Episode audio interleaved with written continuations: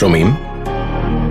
גל"צ הסכתים אורי אס נולד עשר דקות לאחר אחיו התאום גיורא. הם למדו יחד בגן החובה, בכיתה א', באותו בית ספר יסודי רביבים בגני תקווה, באותה חטיבת ביניים ראשונים, באותו תיכון בקריית אונו. למעשה רק הגיוס הפריד ביניהם. אורי התקבל לגלי צה"ל והפך לכתב במחלקת החדשות, גיורא התגייס לחטיבה 7 של השריון, ושם נפל בגיל 19. במסגרת הפרויקט ניגשנו אל אורי, וביקשנו ממנו שאת הכתבה על אחיו יכין בעצמו. הוא לקח כמה ימים למחשבה, ובסוף הסכים. קוראים לי גיורא, אני בכיתה, ב...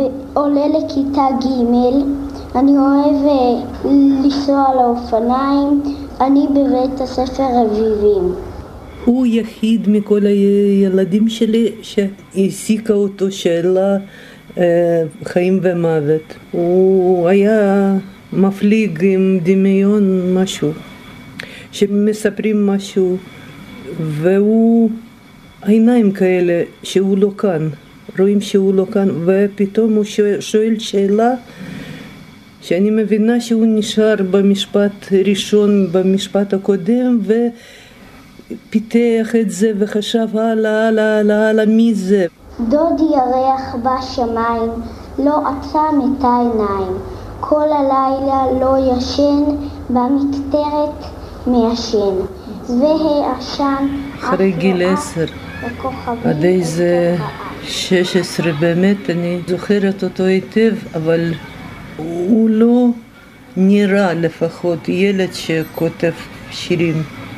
היה ילד כזה שחשוב לו להיות עם חבר'ה, להיות כמו כולם. רק מי שראה את גיורא בגיל ההתבגרות ובזמן הצבא בבית, שוכב על הבטן במיטה ומשרבט במהירות משהו על דף נייר מזדמן, יכול היה לדעת שהספיק לכתוב עשרות רבות של שירים שרק את חלקם מצאנו.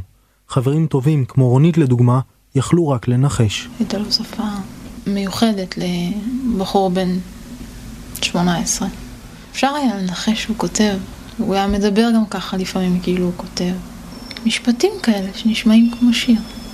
כמו סקיצה לשיר, או איזה רעיון. שפה של מישהו שיודע להשתמש במילים. יודע לבחור את המילה המדויקת. אם לא תרצי אותי אני עוזב מיד, תופס רכבת בורח להרים. יש לי באמת איזושהי פוזיציה שלו שהוא עומד בה, עם החיוך של אה, תיכנסי כבר לאוטו וניסע. היה לו מין מבט כזה של, של ציפייה כזאת כל הזמן, שמשהו כבר יקרה, שמשהו כבר יזוז. הוא גם זה שבאמת היה מפעיל את האנשים, זאת אומרת, הוא היה גורם לנו לעשות דברים. אולי הוא לא היה ממציא את השטויות שעשינו, אבל הוא כאילו היה אישור. כי אם גיורא עושה את זה, זה בסדר. זאת אומרת, מותר לעשות את זה. כי גיורא הוא בן אדם טוב, הוא לא היה עושה דברים כאלה סתם. פעם אחת שאלתי אה, את החבורה אם אנחנו משלימים אחד את השני או משהו כזה, וכאילו זה היה די ברור שאם גיורא לא היה, זאת אומרת, זה לא היה לא שלם, אבל פשוט זה לא... היה חסר חלק מאוד מאוד גדול. הוא לקח את כולם לאיזון. הוא עשה את הבלנס של החבורה. ביום שבו גיורא נהרג, הוא היה אמור להתחיל להדריך בפלוגת האימון המתקדם, צמ"פ, של גדוד 75 בחיל השריון. בחודשיים שקדמו למותו, הדריך גיורא את חיילי הפלוגה בשלב טירונות היחידה, המקצועות. היה מאוד מאוד מצחיק עם גיורא, במיוחד בקטעים הכי קשים. הוא אמר, תראו, זה בסך הכל כיף, זה כמו לשחק בלגו, מפרקים את הטנק ובונים אותו מחדש. אתה, אתה צריך איזשהו ביטחון באנשים שנמצאים סביבך, ואם פתאום מגיע לך איזשהו מפקד, שהוא בא ומסתכל על הדברים ככה באור שונה, ובסופו של דבר אתה מסתכל ואתה אומר, בואנה, זה באמת כיף. הוא גילה את התכונות של המנהיגות שלו למרות שהוא לא רצה שיהיו לו. וזוכר שאחרי זה, שהוא היה חוזר הביתה, הוא היה מדבר עליהם, הוא היה מספר על זה בביישנות היסטרית, שכאילו, דבר שאסור, שלא לא אסור, כאילו, שלא נעים לדבר עליו, כמה שאתה יודע לקחת אנשים קדימה, וכמה כאילו, מה שאתה אומר להם, הם יעשו בגלל שזה אתה. ואם את מרגישה אותי רחוק פתאום, אל תפחדי, זה רק רגעים. כותב שירים אתה, אני לא בטוחה שהוא היה ממשיך, ואולי כן, לא יודעת, איך אפשר לדעת? כי נגמר בן אדם בגיל 19. סמל ראשון גיורא אס מגני תקווה. מפקד טנק בגדוד 75 וחטיבה 7 בשריון נהרג בתאונה מבצעית ברמת הגולן ב-10 בדצמבר 98, בן 19 במותו. נטמן בבית העלמין הצבאי בסגולה. מבין שיריו שכתב מאז היה ילד, בחר הזמר דן טורן את השיר "רוצה להיות".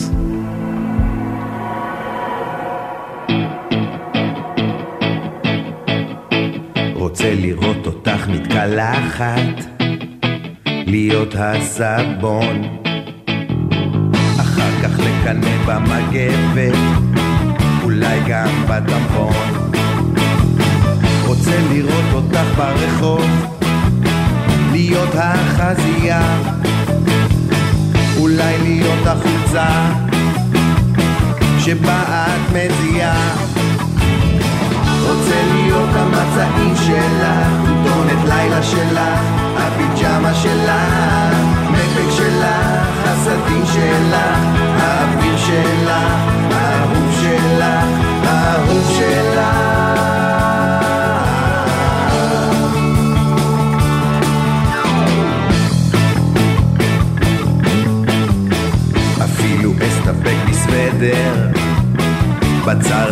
אבקש.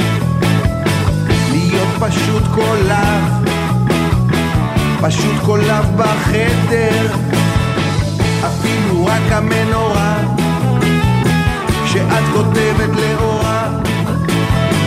אולי ארצה להיות העט, אולי אהיה מיטה. רוצה להיות המצעים שלך,